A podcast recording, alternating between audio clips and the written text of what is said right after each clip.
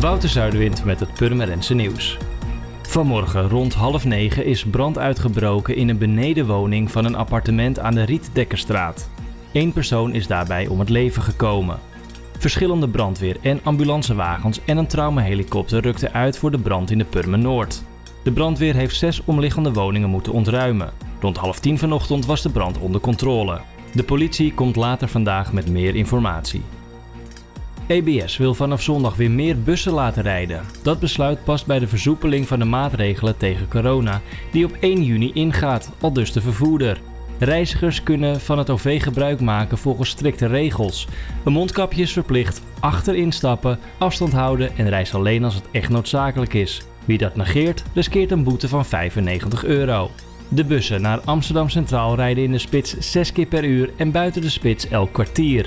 Naar Amsterdam Noord gaan zowel overdag als in de spits 4 tot 5 keer per uur bussen rijden en de metrolijn 52 rijdt 8 tot 10 keer per uur.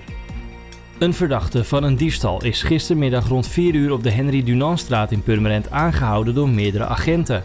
Wat en waar de diefstal plaats heeft gevonden is niet bekend. Eerder werd een burgernetactie gestart waarin werd gevraagd uit te kijken naar een verdachte van ongeveer 18 jaar oud in de omgeving van de dubbele buurt in het centrum van Purmerend.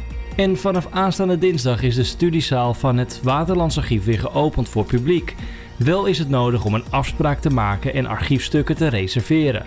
Om coronabesmetting tegen te gaan is een aantal maatregelen genomen. Naast de algemene hygiëneregels is bezoek op afspraak de belangrijkste om anderhalf meter afstand te kunnen bewaren. Verder worden bezoekers geacht alleen te komen en zoveel mogelijk een eigen laptop te gebruiken. Voor meer informatie over de openstelling van de studiezaal kun je kijken op waterlandsarchief.nl.